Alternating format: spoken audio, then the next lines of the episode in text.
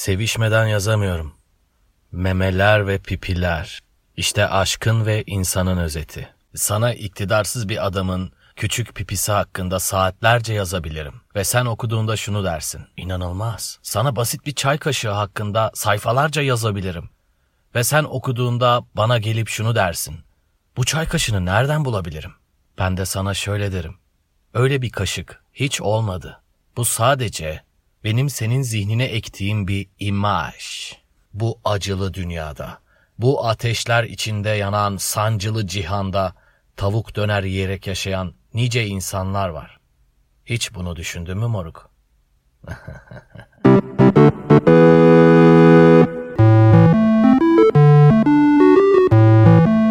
Yıllar yıllar önce arkadaşlarla kıraathaneye giderdik. erillik şöleni ama çiğ bir erillik. Bir keresinde bir maç izliyorduk orada. E, o zamanlar yapacak hiçbir işim yoktu demek ki. Çünkü maç izliyordum ve Semih'in daha Fenerbahçe'de oynadığı zamanlar falan. Neyse bu Semih sakatladı birisi. Adam böyle yerde kıvranıyor. Acılar içinde ama yani. Maçı durdurdular işte bir sedyeyle geldiler Semih'i götürüyorlar. Arkada bir tane adam böyle aşırı sıkıcı bir gri gömleği var. Fazla kareli. Bıyıkları sapsarı sigaradan sararmış ve balgamlı sesiyle şöyle bir yorum yaptı. Sikmeye götürüyorlar. Thank you.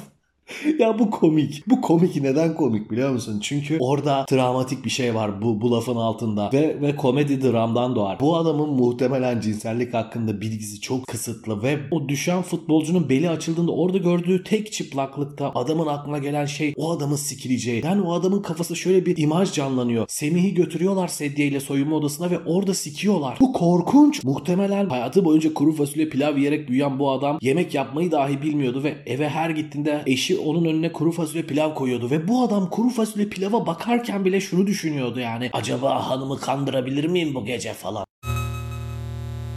Az önce cama yavru bir yarasa çarptı ve sonra yoluna devam etti. Bir ara aklıma kardeşimin 2 yaşında şeker hastası olduğu aklıma geldi. O yıllarla ilgili bir imaj aklıma düştü. Ben arka koltukta oturuyorum arabada gidiyoruz. Önde babam arabayı kullanıyor. Onun yanında annem var. Kardeşim yok. Sonra düşünün neden kardeşim yok? Ya hastanedeydi ya da bakıcısıyla birlikte evdeydi o. Ve dikiz aynasından babamın sadece gözlerini görüyorum. Ee, kardeşim 2 yaşındaysa ben de muhtemelen 8 yaşındayımdır. Babamı ağlarken ilk kez gördüğüm e, her neyse. Babam ağlıyor. Annem annem ağlama artık tamam ağlama artık falan diyor ve teselli etmeye çalışıyor ama çok beceriksiz o konuda annem. Çünkü annem kendisi depresif bir kadın zaten falan ve ben arka koltukta bazı parçaları yerine oturtmaya çalışıyorum. Şeker hastalığı, kardeşim, babamın ağlaması. Evdeyiz. Arka oda, geniş bir oda. Komşu çocuğu Berkay. Berkay büyüdüğünde çok iyi bir hırsız olmuştu. Onu hatırlıyorum. Bakkaldan güzel böyle iyi çalardı yani cipsleri, bonibonları, sakızları falan. Berkay'la top oynuyoruz. Ve ve odaya Berkay'ın ablası giriyor. Begüm abla. Begüm abla. Evet Begüm abla yaşça bizden kaç yaş büyük kim bilir bilmiyorum. Ve bana şey diyor.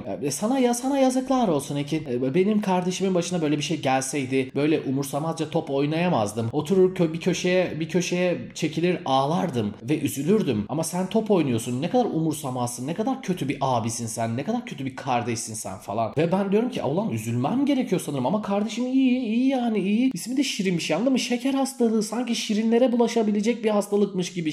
Şeker hastalığı nedir diyorum yani. Acaba şekeri mi çikolatayı mı fazla yiyordu kardeşim falan. Ben bu yayında yayın mı bu bilmiyorum. Belki de podcast'tir. Belki podcast bile değildir. Nedir? Bir, bir şeyler tanım koymamız gerekiyor mu? Yani etiketler falan ha, koymamız gerekiyor mu? Bu yayın özür yayını olacaktı ve ben hafta boyunca yazdığım bir şeyleri okuyacaktım. Ve benim için de bir kolaylık olacaktı. Sonra kaydın başına geçince şunu fark ettim. Çok sıkıcı bu yazdığım şeyler. O kadar sıkıcı ki. Kalbini kırdığım, ha, yani hakkını yediğim, üzdüğüm insanlardan özür dileyecektim. Baya baya özür dileyecektim. İşte ne bileyim Ahmet bilmem ne senden özür diliyorum. Çünkü sana zamanında çocukken çelme takmıştım. Melis bilmem ne. Seni ortaokuldayken terk etmiştim.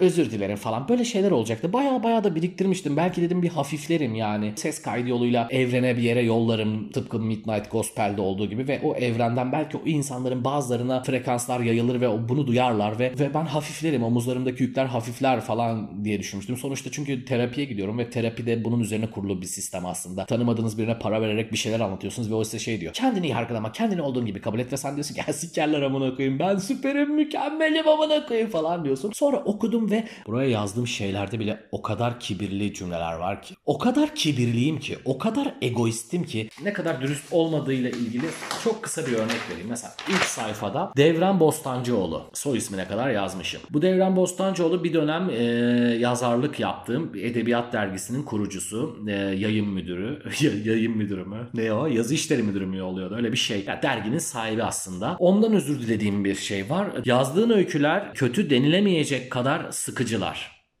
Yani git insan gibi özür dile. Bu ne yani? Hala adamı eleştirilmişim burada anladın mı? Umarım bir gün yazarlık hayallerini rafa kaldırır ve hayatını başka bir amaca adarsın. Kimdir belki de bitcoin zengini olur.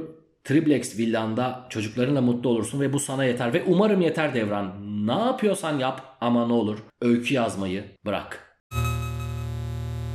Babam dümdüz bir doktordu. Ankara'da okuyormuş ve o dönemki arkadaşları falan işte şiir yazan tipler. Böyle marjinal tipler yani sanat konuşuyorlar anladın? Ortam böyle. Babam da o dönemin böyle aykırı tiplerinden biri olduğunu falan düşünüyormuş kendisinin. Etrafındaki herkes şiirle uğraşan, edebiyatla uğraşan falan tipler böyle ve çoğu zaten sonrasında doktorluğu bırakıp işte sinemacı olmuşlar, şair olanlar var falan. Babam dümdüz pratisyen hekim olmuş yani. Ama zaten yani sonra da okuduk yani yazdığı şeyler anladın mı? A- askerdeyken anneme yazdığı mektupları falan okudum. Şair olsaymış böyle Yılmaz Erdoğan'la Can Bonomo arasında bir yerde olabilirmiş anca anladın mı? Yani şöyle bir daha da açayım bunu. Ekmek kırıntılarından aşk metaforu yaratmakla moda tramvayında tek çift pabuçla dilenen dilenci çocuk falan. Şunu biliyorum ki karşımda babamın fotoğrafları var. Aslında başka fotoğrafları bulmak umuduyla eski fotoğraf albümlerini açtım ve babamın şu anda mesela bu üzerindeki ceketi babamın deri ceketi ben giyiyorum. Bir tane Adidas üstü var falan. Kadıköylü Adidas üstü bilirsiniz. Herkes bilir böyle güzel renkleri olur retro. Ondan var üstünde. Mesela şu an ben onları üstüme giydiğimde umursamaz bir Kadıköylü gibi görünebiliyorum anladın mı? Hani böyle dövmecilik be abi ne yapalım? Ne yapayım işte kokainimi çektim geldim. Postered marık. Bu olabiliyorum ama babam baya baya mangal başında duruyor bu kıyafetlerle ve yerel bir Halil Sezai gibi görünüyor yani. Baya arabeskten aklını yitirmiş bir yerel bir Halil Sezai gibi görünüyor mangal başında. Bunu içmeden yazamıyorum abi ya.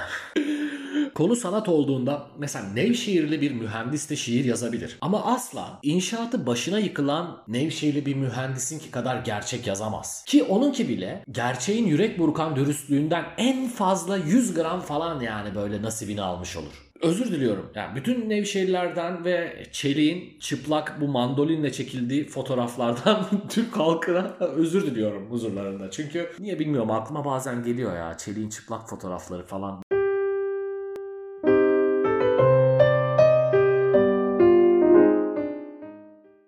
Onun gölgesinden kurtulabiliriz. Henüz daha ufaz ve büyüdüğümüzde onun adımlarını izleyerek yürümeyebiliriz. Onun gölgesine sığmayabiliriz. Kurtuluş vardır belki benim için ve kardeşim için. Belki biz ileride üst orta sınıf kasabalı bireyler olmayız. Hafta sonu Ikea'ya gitmeyiz mesela ailelerimizde ya da Aile ve Müslüm'ün yapımcısının yaptığı her film bize izlenilebilir gelmez. Belki arada kıyıda köşede kalmış underrated filmlerden de hoşlanabiliriz. Artık büyüdüğümde bir gün babamı karşıma aldım ve ona doğrudan sordum. Seni öldürmeme izin verir misin? Tabii oğlum dedi ya seve seve. Emekliliğimde bir köyde yalnız başıma kerpiç bir evde otururken Mayıs gibi ilk erikler çıktığında manavdan git bir poşet erik al gel. Hafta sonu gel ama. Çünkü muhtemelen hafta sonları balık tutuyor olurum ben. Gündüzleri cumartesi pazar. Akşama doğru gel. O zaman balıktan dönmüş olurum. Sofrayı sen gelmeden kurarım. Sen erikleri getirirsin ben de mezeleri ve rakıyı ayarlarım. Babamla bir tarih belirledik.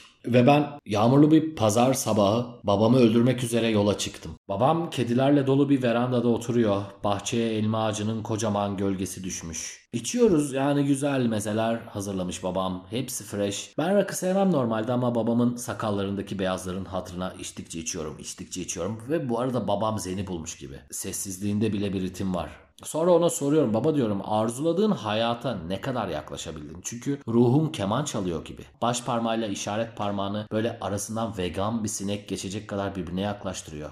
Aha işte bu kadar amına koyayım diyor. Baba gençliğinden bu yana ne kadar geçti ki? Ben gelirken köy yolundaki ince patikadan geçtim. Ayçiçekleri hala duruyor.